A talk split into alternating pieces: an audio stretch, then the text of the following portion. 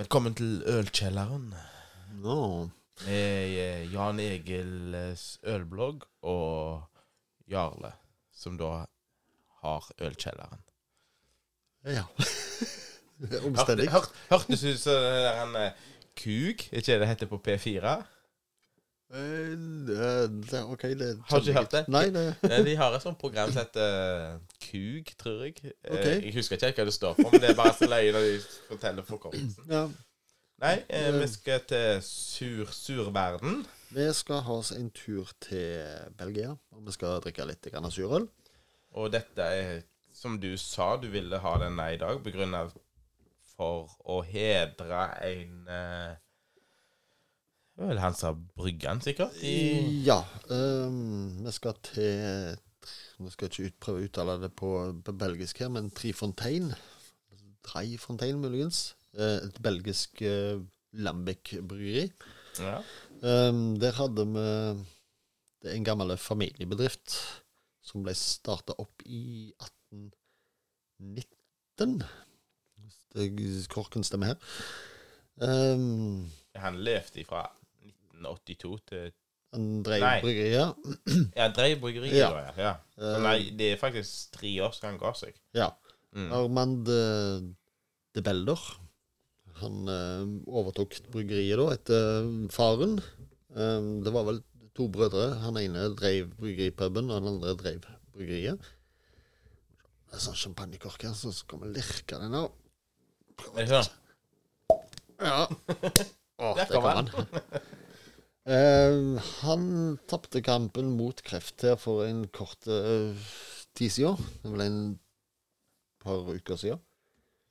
Eh, og han har vært en av de som har uh, håper jeg, vært en forkjemper og fått fram um, populariteten til surøl. De Trifontein de, eh, er vel et av de mest kjente Lambic-bryggeriene i, i eh, Belgia. Så jeg prøve å tømme litt for den litt store flaska. Er du ikke vant med å holde så stort? Tror du skal få litt mindre i glasset. Sånn. det var så store flasker at hvis vi får mindre Jeg oppi nå, så Jeg skulle prøve å få litt sånn fin lyd her, vet du. Ja, ja, ja. Nei, du er flink til det. Ja. Åh, kjempeflott farge, da. Trifontein det er da som sagt et belgisk eh, Lambic-bryggeri. Lambic det er jo en sånn uh, Normalt sett så har du jo overgjæra og undergjæra øl. Men så har du en sånn liten sidekategori som er spontangjæra. Uh, Det vil si at det blir ikke tilsatt gjær. Det er åpen gjærkar. Ja, det blir stående i åpne gjærkar, og så er det det her naturlige gjærsorten i lufta som gjør at du får den her gjæringa. Mm, mm. Og ofte så blir det jo da flere årganger som kanskje blir lagra, og så blir blenda i sammen. Mm. Um, det er vel den, håper jeg, den, den ekte uh, i gåseøyne øl- surølstilen. Det er jo mange, mange surøl som er kommet uh, det siste året, men det er såkalt uh, kjelesyrende øl. Ja. Så det blir rett og slett tilsatt melkesyrebakterier. Type Biola, faktisk. ja, Biola er Ja. godt brukt. Altså, det er vel kommet en type gjæro som er Som som o Du slipper kjelesyrene. Du bare tilsetter gjæren, faktisk. Det Hva skal jeg si? Det er så mye kjemi eh, inne i bildet nå, vet du, at det, alt kan jukses. Ja da. Det er håper jeg, den enkle og litt Mm. mer tilgjengelige måten å gjøre det på. Um, skal vi se. Vi har en uh, Odd Krik i glasset i dag fra Trifontein. Eh, en krig, det er jo uh, sure kirsebær. Ja, lukter fantastisk. Ja. Altså. Um, de bruker jo ofte, som sagt, å blande forskjellige uh, årganger av dette her. Mm. Um, for de som vil, så finnes det jo veldig mye på, på nettet. Du kan lese deg opp på hvordan de, oh, hvordan de gjør dette her. Har du hatt denne før, forresten? Eh, akkurat denne har jeg vel hatt før. Nei, vet du hva, den, den har jeg ikke hatt. Jeg har, hadde to øl fra Dreifontein stående i, i kjøleskapet, og den jeg hadde med meg her er vel den jeg ikke har hatt før. Jeg ble litt, i- tvil nå. Nå ble jeg Nå Jeg har sjekket sånn den inn, i alle fall. Nå fikk jeg en så forvirra blikk her. Ja. Jeg skulle sett dette nå sporer jeg spørsmål jeg ikke hadde kontroll på. Ja. Nei, som sagt, jeg hadde to øl ifra de i kjøleskapet. Um, den ene har jeg hatt før, og den andre har jeg ikke hatt. Men det Åh, det er fantastisk, altså, å smake. Jeg vet ikke, jeg surøl. Det er ikke øl. Ja, hva er øl? Ja, det er så lenge det er lagd av malt, vann og gjær, så kan du kalle det øl, ikke Ja. det? Og humle. Ja. Um, Men dette her det er jo det, det er ganske langt ifra det du tenker. mm, Eller iallfall når folk flest tenker øl, så tenker de at dette er ikke øl. Men det er jo øl, og det viser jo bare hva, hvor stor spenn du har med innenfor det som er øl. For det er jo ikke et typisk øl. Um, det Egentlig skulle det hatt en egen stil, spør du meg, da, men jeg syns det er så fantastisk godt. At oh, det ja. denne her er veldig, uh, veldig syre, friske. sure, egentlig. Mhm. Så du kjenner God syrlighet. Eh, dette er jo da som sagt en krik, så da er det jo tilsatt uh, kirsebær. mm. Og det er det jo ikke tvil om, egentlig, verken i Når du ser fargen, så er det jo veldig rødlig brun. Du må ta bilde av den før vi drikker opp. Ja. Dette er en fantastisk flotte farge, altså. Eller hvis det er store flasker, så vi får Får et par glass sjøl. Det er en 075-flaske. Ja. 6,4% Den er tappa på flasker den 6. i 6. 2019. Og en holdbarhet til minst den 26. 10. 2039. Så vi kan eh, Skulle hatt den et par år til. Ja, det kan, det kan, det kan stå lenge. Det er vel Men eh, hvordan er det med eh, lagring på sånn øl? Den blir ikke bedre, eller? Et surøl kan lagres lenge. Ja, men blir den bedre? Um, Eller hva- hvor- det, det spørs jo hva du definerer med bedre. Det er jo akkurat sånn som med stout og sånne ting som kan Ja. lagres i mange år, at det, Jeg det blir annerledes. Jeg liker jo stouten litt mer rundere i kanten, Ja. ikke det kvasse smakene. Ja. Men det, hva, hva, Han vil nok uh, bli litt endra i karakter. Nå skal jeg ikke påstå at jeg har klart å lagre surøl i så mange år. Det er ikke så, jeg håper at jeg har ikke vært interessert i surøl lenge nok til at jeg har klart å Nei. lagre det opp. Dette her er jo Det er Det snop. er snadder. Ja, det dette er snop. Det Mange vil nok forbinde det med litt sånn julebrusaktig, i og med at du har kirsebærsmaken. Ja. Og der har du jo ofte den her Jeg lagde jo faktisk julebrus her. eh, Det var faktisk eh, eh, selvs i oppskrift. Ja. Eh, den eh, Masse lime og alt. Eh, Jeg minnes faktisk ganske mye om denne. Mm. Ja, nei, det kan nok fort Tankene går mot, uh, mot julebrus. Mm. Um, det har en helt fantastisk syrlighet, egentlig. Ja, jeg Og det er um, els, kirsebærsmak. elsker jo syrligheten i. Ja. Det er jo fantastisk. Han er ikke så skarp at det er liksom At det blir for mye. Kan vel si det litt sånn hvis du liker voldsomt surt snop, Ja. så tror jeg dette her at det vil falle ganske godt i smak. Og de som denne standarden at du ikke Du liker ikke øl. Da tror jeg det kan være litt eh, interessant å prøve, prøve litt surøl. Ja. For det er det, jeg, det, er lang, det er så langt ifra pils du kommer. ja, dette her er jo ikke Jeg ville jo sagt mer vin, hvis du skal sammenligne det med noe. Ja. Eh, du har ikke noen sånn typisk ølsmak. Nei, men så er det igjen da hva, hva er øl? Ja, altså Når, når kjerringa smaker øl, så kan du jo sammenligne det med pils. Ja. Det er jo det hun sier, at det, «Å, det smaker øl. ja. Nei, det, det, det er langt ifra pils. Det er det. Ja. Eh, og for de fleste så vil vil det nok eh, komme med en kommentar at det, dette er jo kjøl. øl. Men eh, det er veldig fruktig. Det har veldig markant kirsebærsmak. Det har en fantastisk eh, sødme og en syrlighet, og det er ja, det er helt fantastisk. Jeg, jeg har blitt frelst av surøl. Det er ikke tvil. Nei. Ehm, som sagt, nå ble det skrevet en artikkel, nå står det på i bakgrunnen her, eh, av en eh, Rolf Bergesen, som har skrevet en artikkel i sjå ølportalen.no. Eh, vil jeg anbefale dere å gå inn der, og der er det òg linka til en eh, podkast som er innspilt på uh, den ølpodkasten som de hadde tidligere, som heter Vestkast. Eller Vestkast. Der hadde de jo et intervju med han uh, selveste uh, nå, Ja scrolle ned litt. Så får jeg Står det, her. står det her inne? Så. Jeg tror det står en link der. Um, men han uh, Armand de Belder, er ikke det står? Um, hvis du går litt Ja. Ar Armand Armand de Belder. Som sagt, jeg, jeg har vært i Belgia. Og å høre på det der språket deres, det er ikke så lett alltid å uttale litt. Men eh, nederst i den artikkelen så står det en link til en uh, Vestkast-episode. Hvis du Nei, Nei. nøkkelklikk den. Hvis du scroller opp litt her. Gud hjelp. Ja, vi hvis- der, den? eh, Nei, litt lenger opp. Litt lenger opp. Å ja, den der. Reiser meg opp og peker på skjermen her, så Ja, kommer oi, du inn Nå til havner vi på YouTube her. Ja.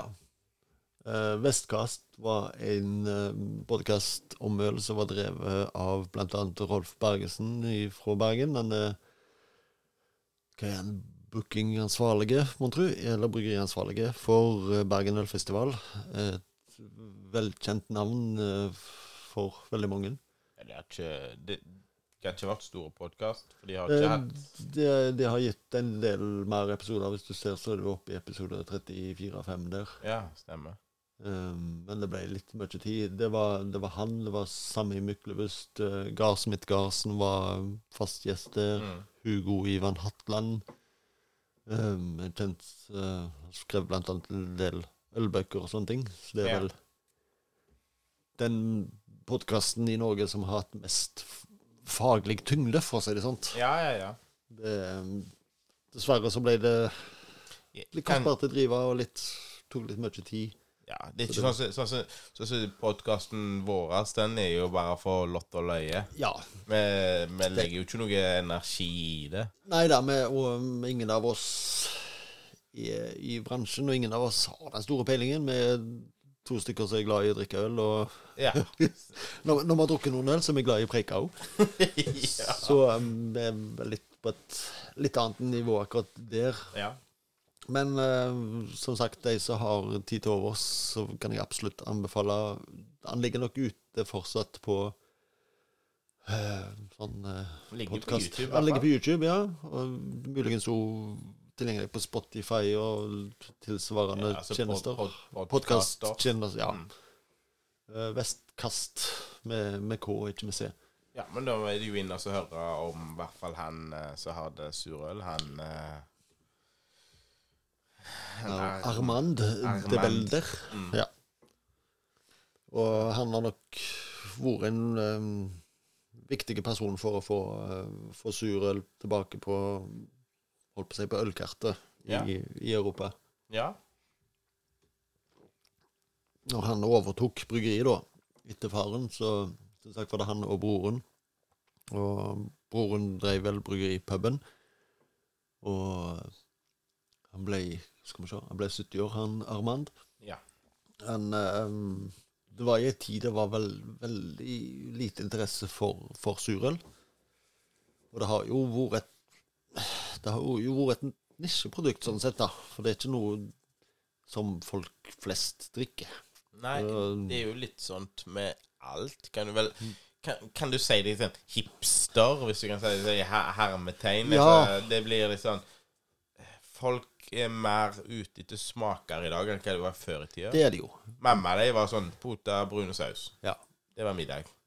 Søndagsmiddag. sant? Ja. Hverdagsmiddag, det var sånn typisk eh, Portugale, pota og fisk. Sant? Ja. Det var sånn hverdagsmiddag.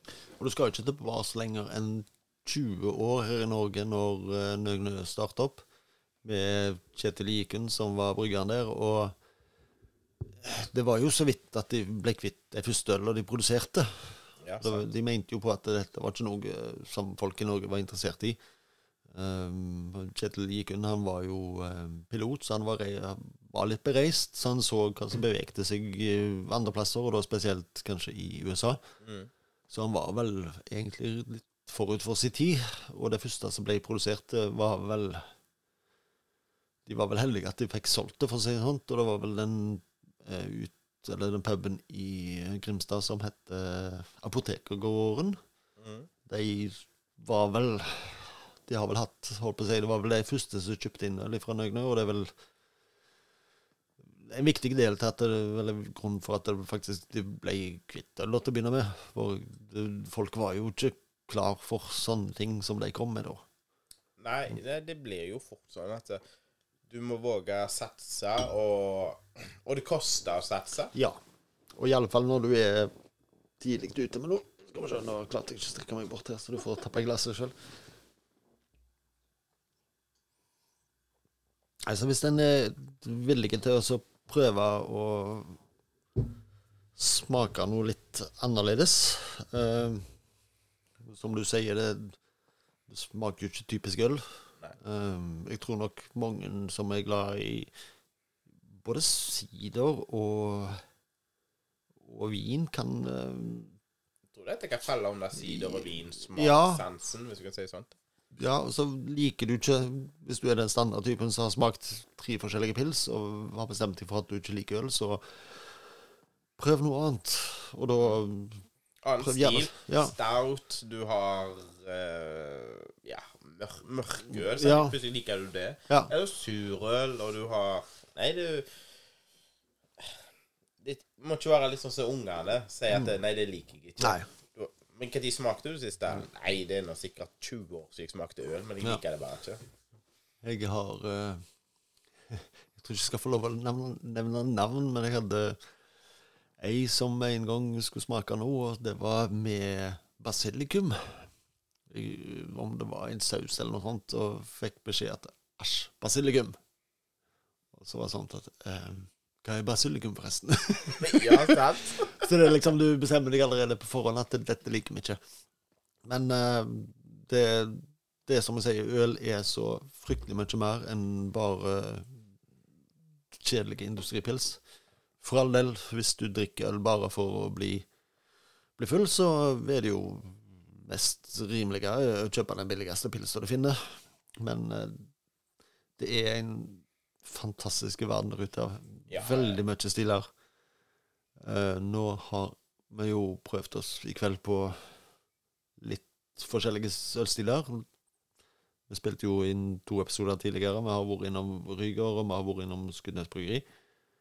Um, skal vi se, nå har jeg tatt med meg én surøl til i kveld. Og det er faktisk en norske krig. Altså med tilsatt uh, Den Øgne Ø sin Krig of Telemark, som er tilsatt uh, blant annet norske og danske kirsebær, hvis jeg ikke tar helt feil. De klarte vel ikke å levere nok eh, øl eller kirsebær fra Telemark, så det er Ja, men det er jo sånn typisk det.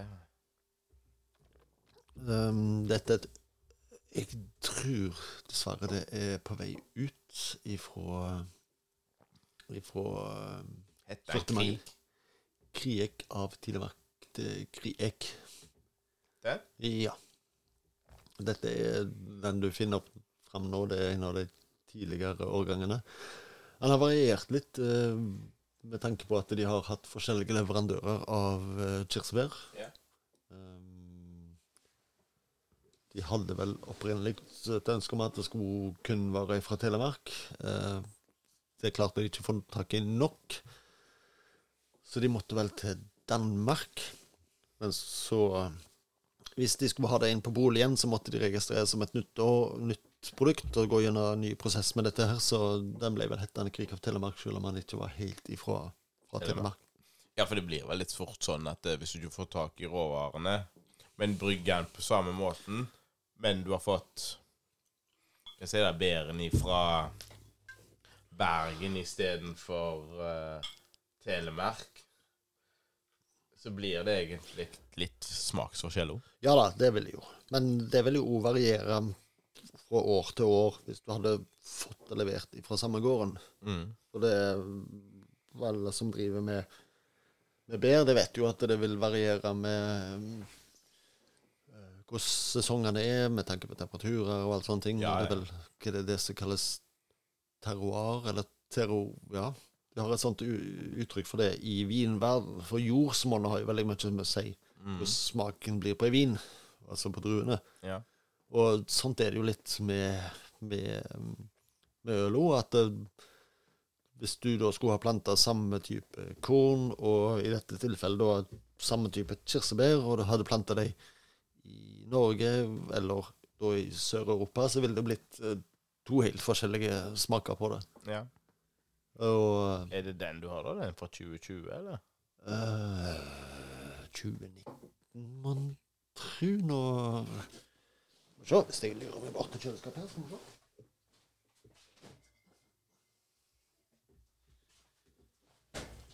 Og Da var den tilbake. Um, denne er tappa i første i fjerde 20. Ja. 20, 2020. 2020.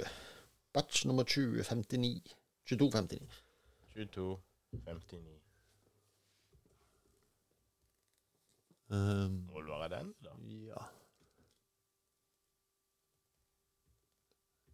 Så ganske lik ut på etiketten. Ja. 90 poeng koster 43,90. Ja. Smakt 11. mai 2020, står det her på Aperitif sine sider.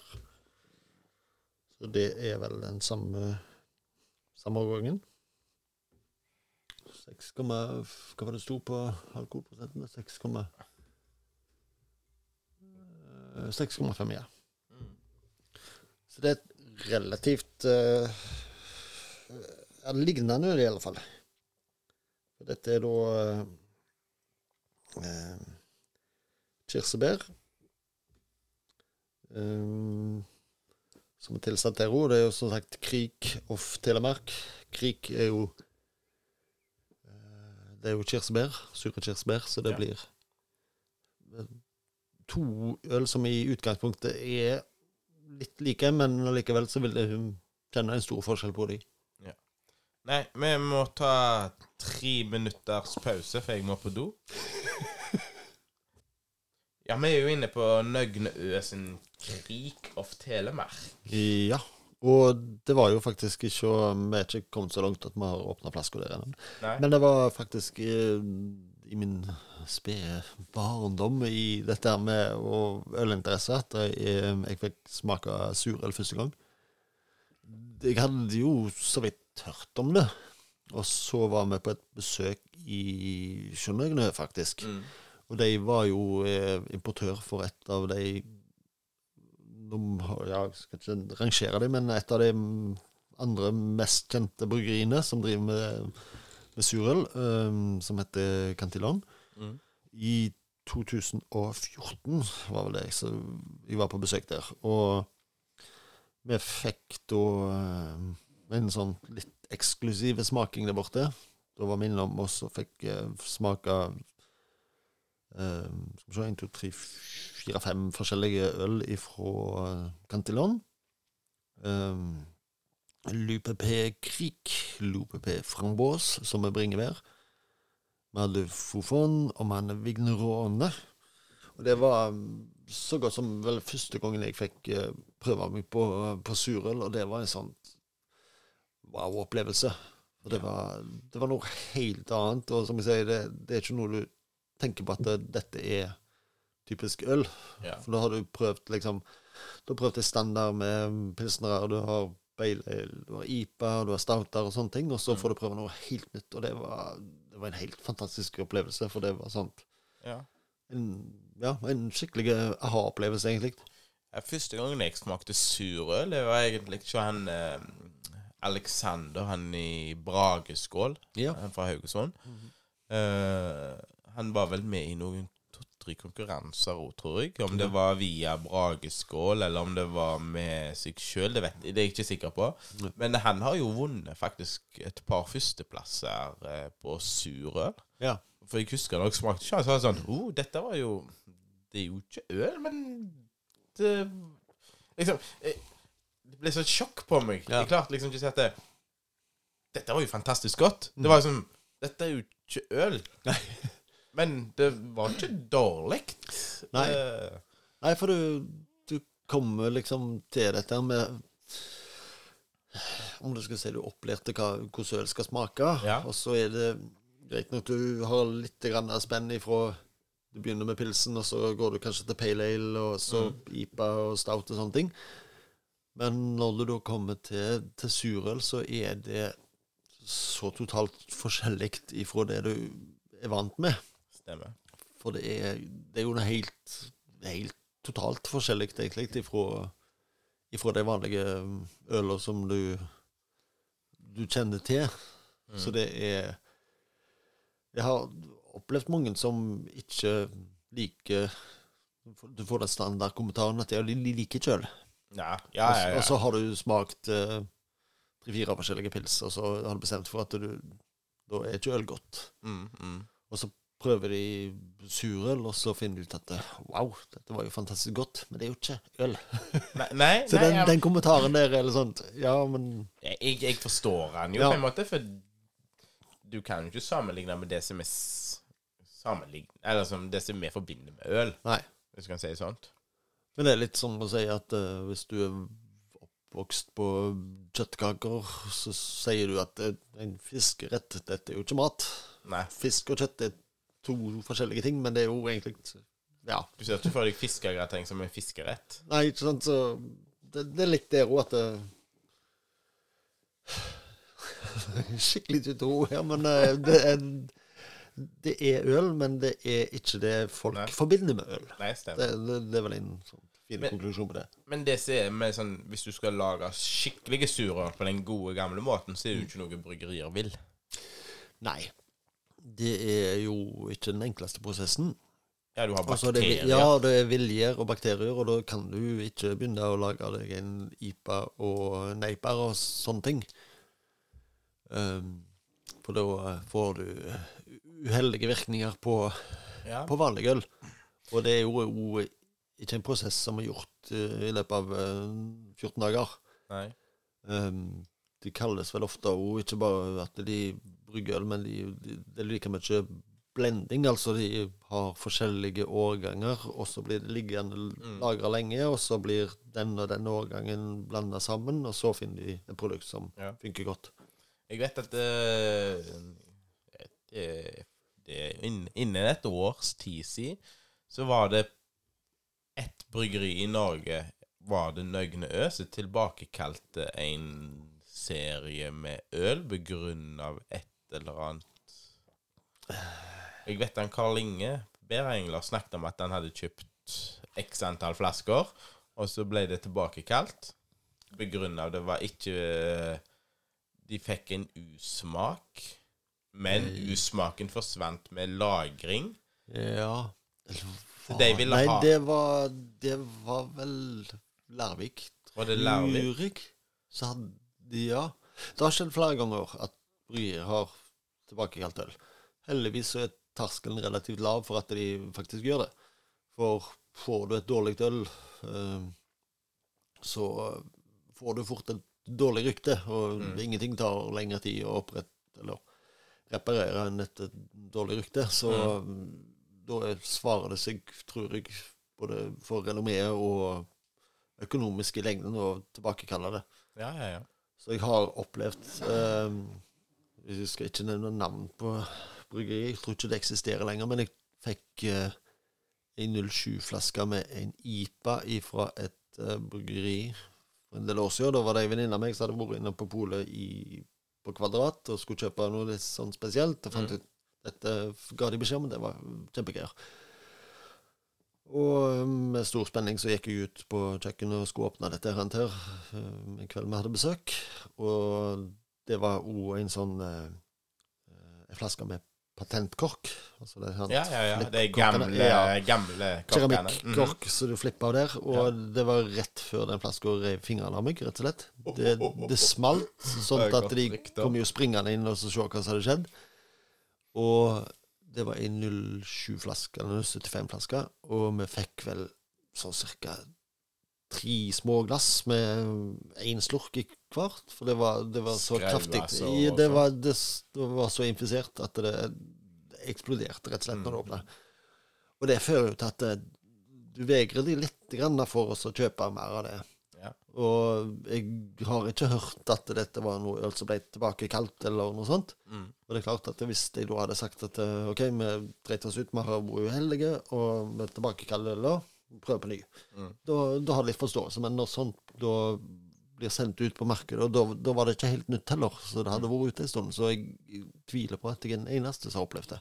Nei, nei, det Og det er klart, når jeg faktisk var i et sekund, så var jeg bekymra for at fingertuppene var gått av, for det smalt så ut av en annen verden. jeg, jeg husker da jeg var yngre, før når du hadde al aluminiumskork på skruflaskene, Ja, ja.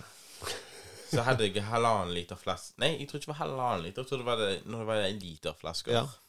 Så skulle jeg åpne den i stua. Jeg fikk ikke tørna den så vidt. Du sa det bare gabang! Korken sto i taket. Og det er da du tenker egentlig Shit! Dette var tøft. Når jeg var så unge, så var ja. det det stiligste jeg hadde sett. Ja. Men hadde du hatt hodet feil, eller sikta Ja. Satan, altså. Ja, nei, jeg hadde jo eh, Jeg hadde ei annen flaske, men den håper jeg, Det var jo ikke flaskefeil, men det var en treliters growler som var uh, fulgt opp på et lokalt uh, bryggeri. Og så ble drakk vel kanskje to og en halv liter av de tre. Mm. Og den ble stående ute på terrassen på våren, så det var plussgrader, minusgrader, plussgrader fram og tilbake der. Og liksom, den har stått i sikkert 14 dager eller noe sånt. Jeg tenkte nå er jo dette helt flatt og tamt. Så jeg tenkte jeg bare åpne den, og så tømmer den i vasken. Og idet jeg åpner den, så eller spretter jo den korten såpass av at den river jo den, de metallstengene av Ja. korken. De blir bøyd av. Så hele korken fyker av der. Mm.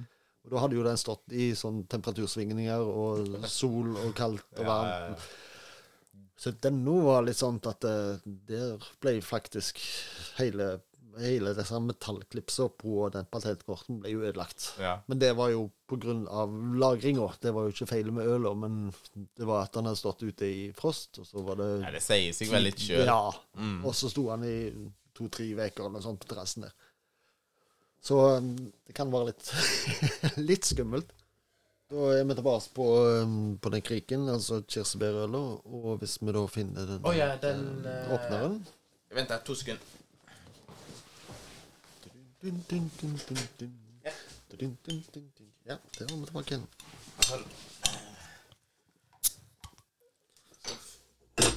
Fine ventemusikk. Det blir en sånn klipping på den siste episoden her, kjenner jeg.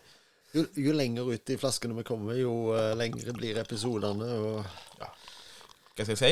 Lik farge som den krik... Nei, hva het det som vi hadde? Den der en, eh, Tritårn, eller hva heter det? ja, Treifontein, altså tre fontener. En uh, Jeg kaller den for Tritårn, jeg. ja, Od Krik. Flott farge.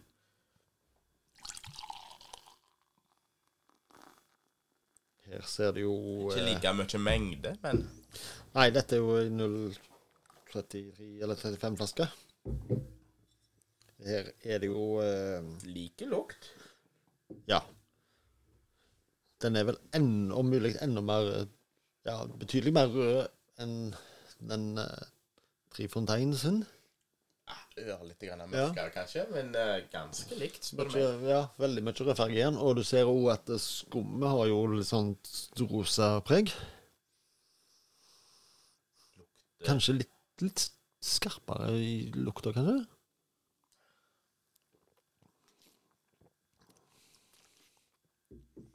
Litt rundere i smaken. Ja, jeg syns den er litt mer søt. Ikke så syrlig som Den eh, var ikke syr, syrlig.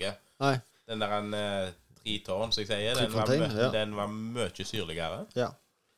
Denne var rundere. Den var ikke s- Den var li, like forsmak, men ettersmaken var ikke så syrlig. Nei. Jeg vil si jeg faller mer for den første. altså. Ja. Og det er vel òg grunnen for at de er kjent for å være et av verdens beste surølbryggerier, for å si det sånn. Ikke ofte jeg klarer å få en Jan Egil vekk fra Nøgne på noe annet. Altså, det Nei, men Nei, eh, absolutt ikke dårlige noen av de. Fantastisk gode begge to. Uh, men litt grann forskjellige Ja. øl er det. Uh, mangler, mangler Hvis du skal Hvis du sammenligner deg på alt den første, mm. mangler syrligheten. Ja. Um, Men kriken like smak, sånn sett, Ja. men mangler syrligheten. Kirsebær er jo der tydelig i begge to. Ja. Um, syrligheten er vel litt mer fremtredende i sjå Trifontein, mens du har en litt mer sødme ikke, sjå i sjå Nøgne. ja. Ja, det er jo eh, Hva skal vi si? Det, Litt søtere kirsebær enn ja. En, Noen liker søtt snop, og noen liker syrlig Ja. snop. Eh, de som liker litt mer søtt snop, liker denne bedre, sikkert. Ja. Nei, så det er Som å si, det er tydelig fruktighet i begge to, og det er jo ikke tvil om at det er kirsebær som er brukt. Ja. Han var jo, han var jo god. Ja. Og det Hadde vi bytta litt på, på, på rekkefølgen, så hadde vi sikkert skrøtt så pokker av denne. Og så hadde vi skrøtt så pokker av den andre òg. Ja. Det er s- mye samme smaken i det, men den Trifontein de har eh, litt mer syrlighet. Og det har vel litt med at det er et rent surølsebryggeri. Ja.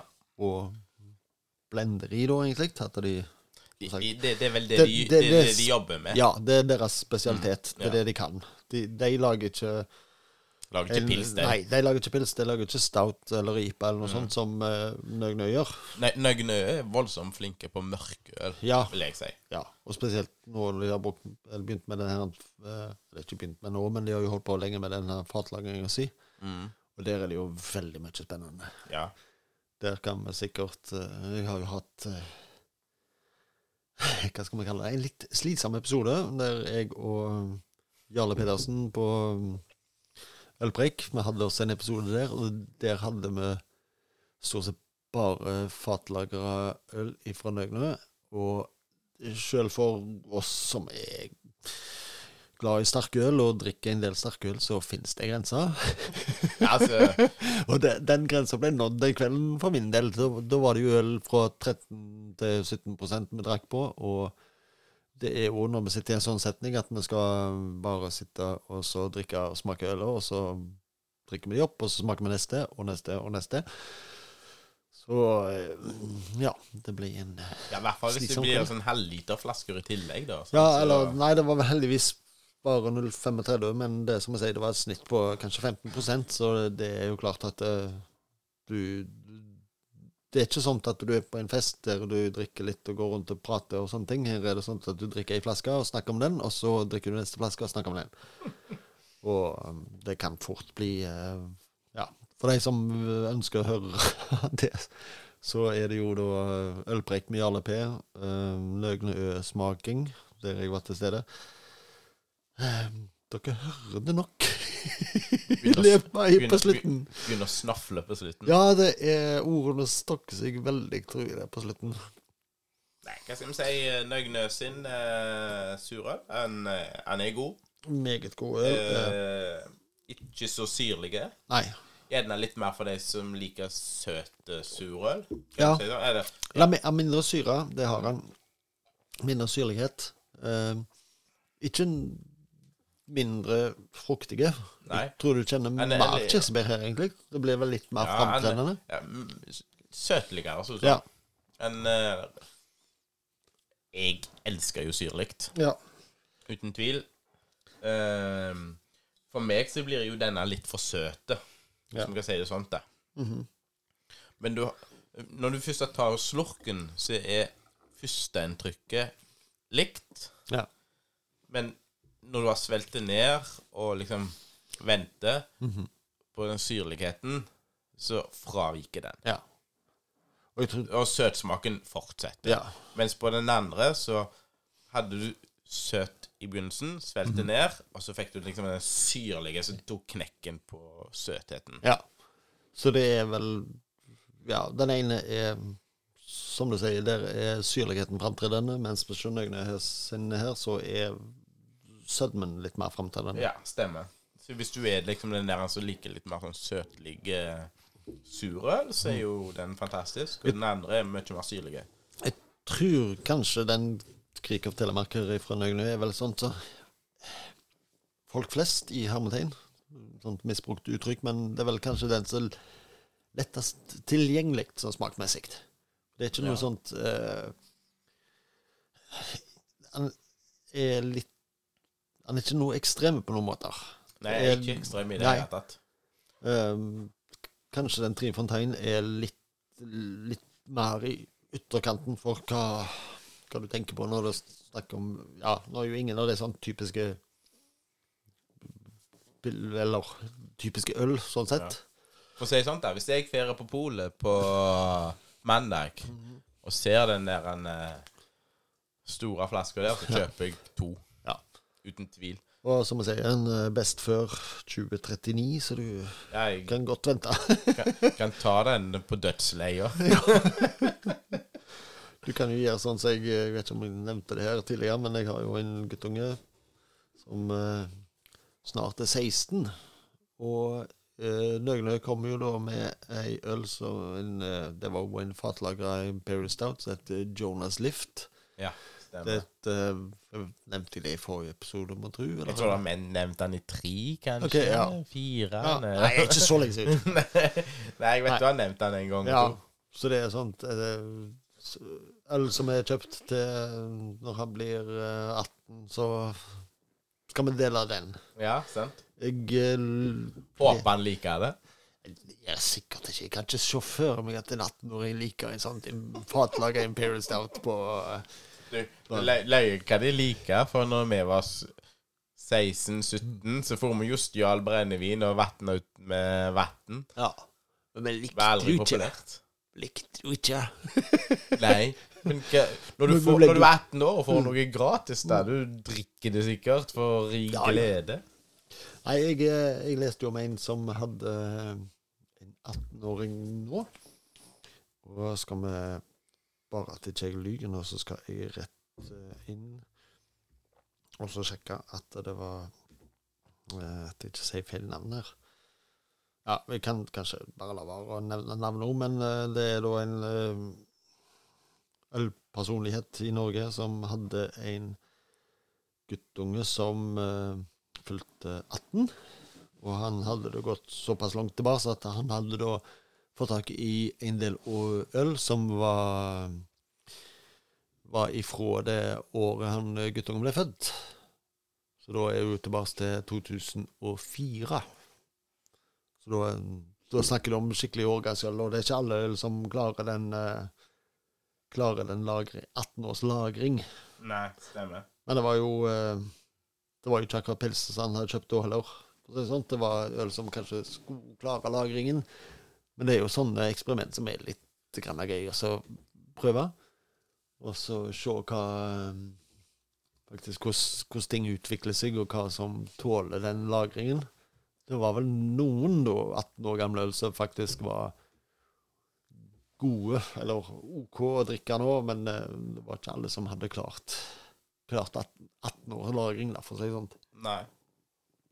Nei, men eh, det, det løye med det, liksom øl og vin. Vin er jo Mange der er jo lagra i vet ikke jeg, 20-30 Ja. og 40 år. Whisky, for eksempel, det er jo Whisky er jo Ja. kjent for å lagre lenge. Øl Det er vel Vet ikke jeg om du kommer opp i sånn mjød som er typisk lagra lenge. Ja, noen Jeg sier en av de aller beste øl, og jeg har strukket sjøl, det var jo en fra Ægir. Mm. Det heter vel Ylir, tror jeg det var en eh, juleøl som hadde stått. Og den var vel fem år etter best før-datoen. Det var den ølen jeg har klart å lage lengst. Og det er Åh, det er sånn at når du drikker den, tenker jeg hvorfor søren klarte jeg ikke å lage flere av den? Ja, sant. For da er det sånn det var et fantastisk godt øl i sin tid når det var nytt, og så har det stått godt gjemt bak i skapet, og så har du ikke funnet noen anledning til å smake det. Og så når du da faktisk har gått over holdbar, eller ikke holdbarhetsdatoen, men best før-datoen, for de er jo pålagt å legge til den. Og når den ble utgått for fem år siden, så eh, er det faktisk et fantastisk godt øl, og da tenker du at det, den skulle vi hatt flere av. Men så har du enkelte som kanskje etter et år og to finner ut at det, nei, det var jo ikke verdt å samle på, egentlig, for det var blitt litt tamt og dårlig eller blitt surt og sånne ting. Så det, er sånn risikosport, egentlig, det å lagre øl utover den datoen de skal, skal ha. Um, den øla jeg har vel mest erfaring med lagring av, er Håndbryggeri sin eh, bestefar. Der har jeg jo smakt er det vel fem årganger, tror jeg, samtidig.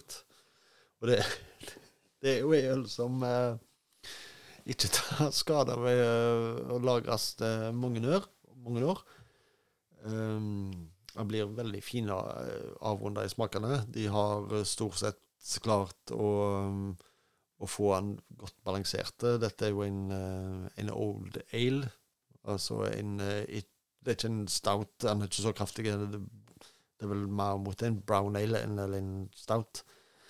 Men uh, det er et øl som i alle fall tåler fem, seks, sju år med, med, lagring. Og så hadde vi jo den her før jul, når jeg og du smakte på den Stelger Divum. Ja, den, og uh, årets utgave på 19% Den bør jo ha minst fem år. Ja. For den, den, blir ekstreme de første årene, og det, det trenger mange år før den blir før han blir behagelig, for å si det sånn. Ja. Men det er klart jeg har uh, Nå tror jeg jeg har vel en fem eller seks årganger bak stående. Så jeg tenker til, til julen, når det nærmer seg jul igjen, nå, så får vi ta en smaking. Da får vi vel kanskje dra med oss en ja, kanskje minst én eller to mann til. det, ja, jeg, det, kan bli litt heftig å smake fire-fem årganger for to personer. Jeg har jo snakket om en uh, Karl Inge han i, i Bedre Engler. Han har jo lyst til å komme her og være med og drikke. Da har jeg tre flasker stående klar av en helt annen sort.